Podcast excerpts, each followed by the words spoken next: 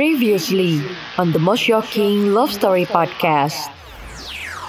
Hello. Thank you so much for coming. By the way, I'm Ben. Halo, Sela. Loh, kamu yang bikin event ini?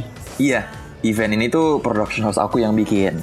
Kamu yang travel blogger itu kan? Iya, kok tahu sih? Tahu lah, kamu kan selebgram. Followersnya udah banyak banget lagi. Eh, aku follow kamu ya?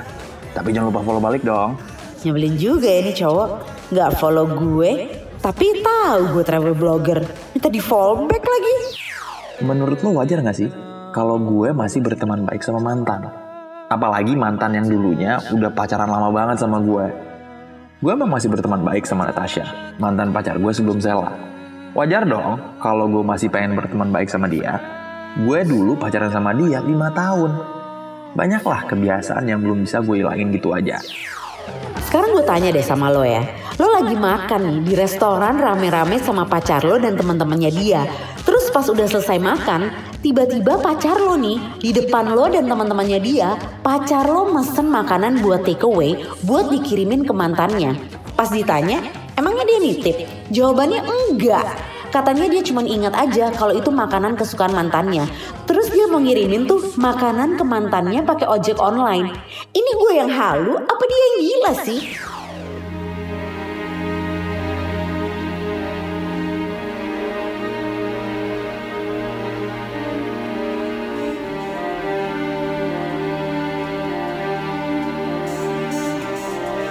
Seharusnya gue merasa beruntung bisa ngedapetin Sela. Hampir semua teman gue ngomongnya kayak gitu.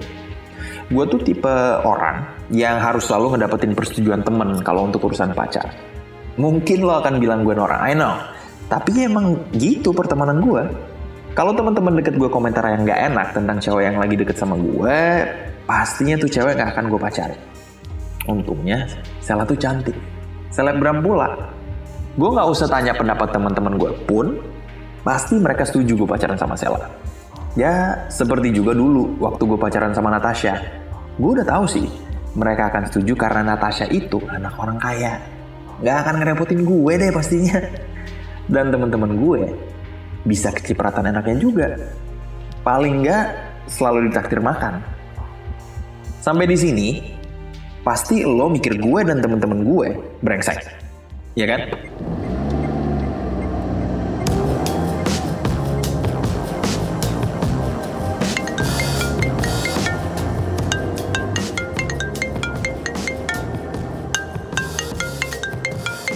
Halo, Halo, lagi di mana? di jalan nih udah mau ke kantor. Kamu masih di rumah? Iyalah, enak kan? Gak harus kerja sama orang. Bangun suka-suka. Dan gak harus buru-buru ke kantor demi ngejar absen doang kayak kamu. Ya udahlah, not everyone has the privilege like you do. So what's your plan today? Biasalah kerja. Ya gak berarti aku malas-malasan di rumah juga kan? Nggak ada meeting hari ini. Ada, nanti siang. Meeting sama siapa? Sama teman. Siapa? Ya ada lah, aku sebut namanya juga kamu gak akan kenal. Siapa? Susah banget sih bilang meeting sama siapa aja. Sama Rani. Siapa tuh Rani? Karena aku udah bilang sama teman, kamu tuh selalu gitu ya, maksa-maksa aku cerita tentang aktivitas aku. Emang harus banget ya kamu tahu semua. Aku nggak ada apa-apa juga sama cewek lain. Emangnya salah ya kalau aku nanya? Kayaknya wajar deh kalau aku sebagai pacar nanya gitu loh. iya iya wajar ya. Yaudah deh, nggak usah dibahas. Kita nanti malam jadi ketemu kan? Nggak usah. Hah? Udah ya aku udah mau sampai kantor. Kok gitu sih?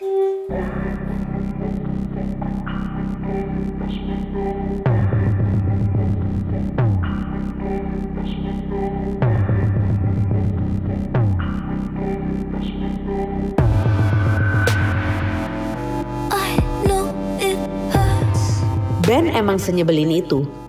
Bayangin aja ya, baru sebulan gue pacaran sama dia, hampir tiap hari selalu ada aja yang bikin kita berantem. Yang menurut gue penting, menurut dia nggak penting.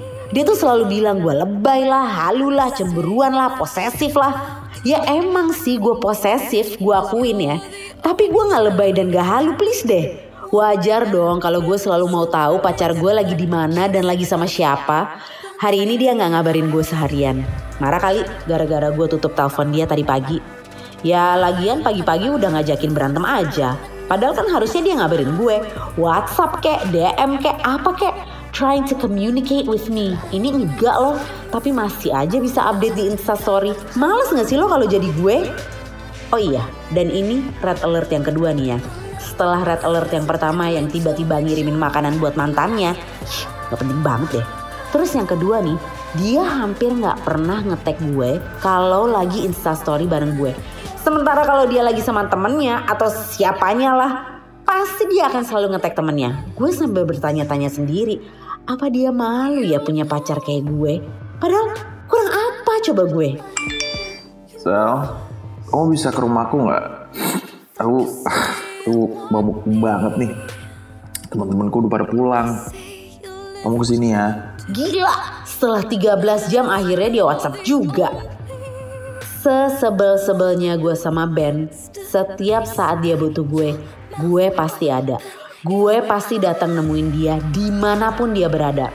Kayak malam ini, giliran dia udah mabuk berat dan ditinggal sama teman-temannya, baru dia WhatsApp gue, nyuruh gue datang ke rumahnya. Kalau lo tanya, kok gue mau maunya sih? Well, it's simply because he's my boyfriend.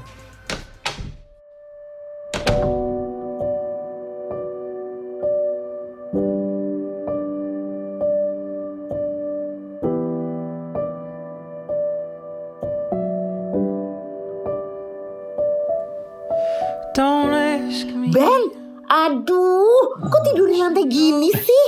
Eh, sorry, sorry. Aku ketiduran. Aduh, ini kenapa banyak banget muntahnya? Emang kamu gak sempet ke kamar mandi? Ya sempet lah. Mau sempet juga aku nggak akan muntah di sini. Ya udah ya udah, sekarang kamu tiduran dulu ya di sofa ya.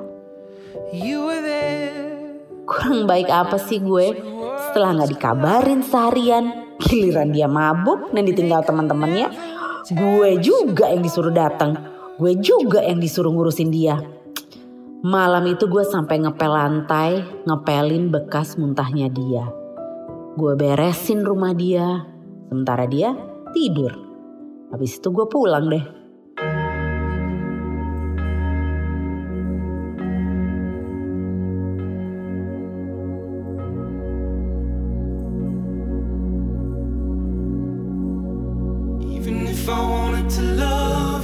Gue tahu gue udah banyak ngecewain Sela. Tapi kita emang gak cocok sebagai pasangan sih. Tapi bener kalau lo bilang gue emang senarsis itu. Gue selalu butuh diperhatiin, gue selalu butuh dipuja. Tapi cuma dalam waktu-waktu yang gue mau aja. Karena gue juga selalu butuh space dan kebebasan. Gue gak suka tuh pacaran yang dikit-dikit lapor, dikit-dikit lapor. Lapor gue ada di mana, lagi ngapain sama siapa, gue nggak ngerasa punya kewajiban untuk ngasih tahu semua aktivitas gue ke siapa pun. Gue juga akan selalu butuh pasangan yang bisa nerima gue dan masa lalu gue apa adanya. Masa lalu yang mungkin masih akan ada sampai sekarang. Kayak misalnya gue masih akan selalu berteman baik sama Natasha mantan gue. Atau mantan-mantan gue yang lain gue akan terus berkomunikasi sama semua mantan gue dan pasangan gue harus bisa nerima itu. Dan Sela nggak bisa nerima itu. Sampai suatu hari setelah satu tahun gue pacaran sama Sela, gue membuat sebuah keputusan.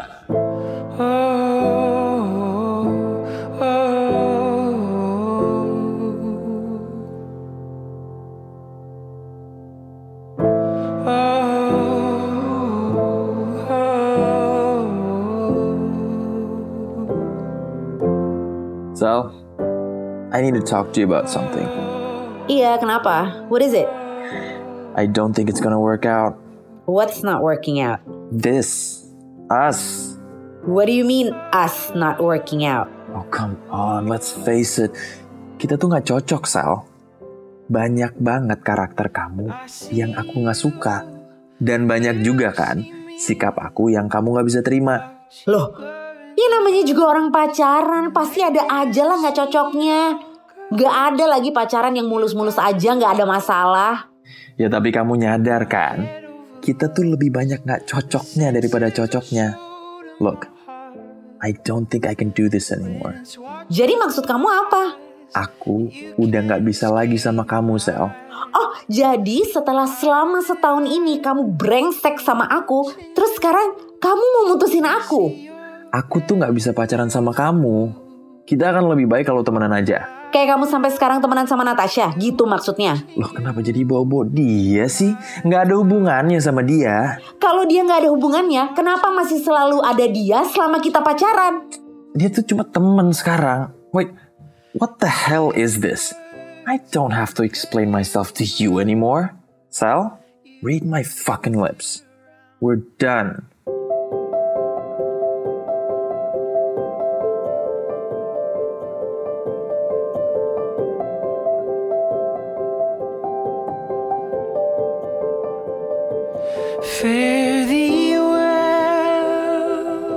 Just like that, he's breaking up with me. After everything I've done to make him happy, after all the efforts I made, after everything I did to keep my relationship with him. Tapi setelah semua ini selesai, gue gak nyangka kalau pattern dia akan kembali berulang. Gue pikir setelah gue putus sama dia, dia akan menghilang dari hidup gue. Ternyata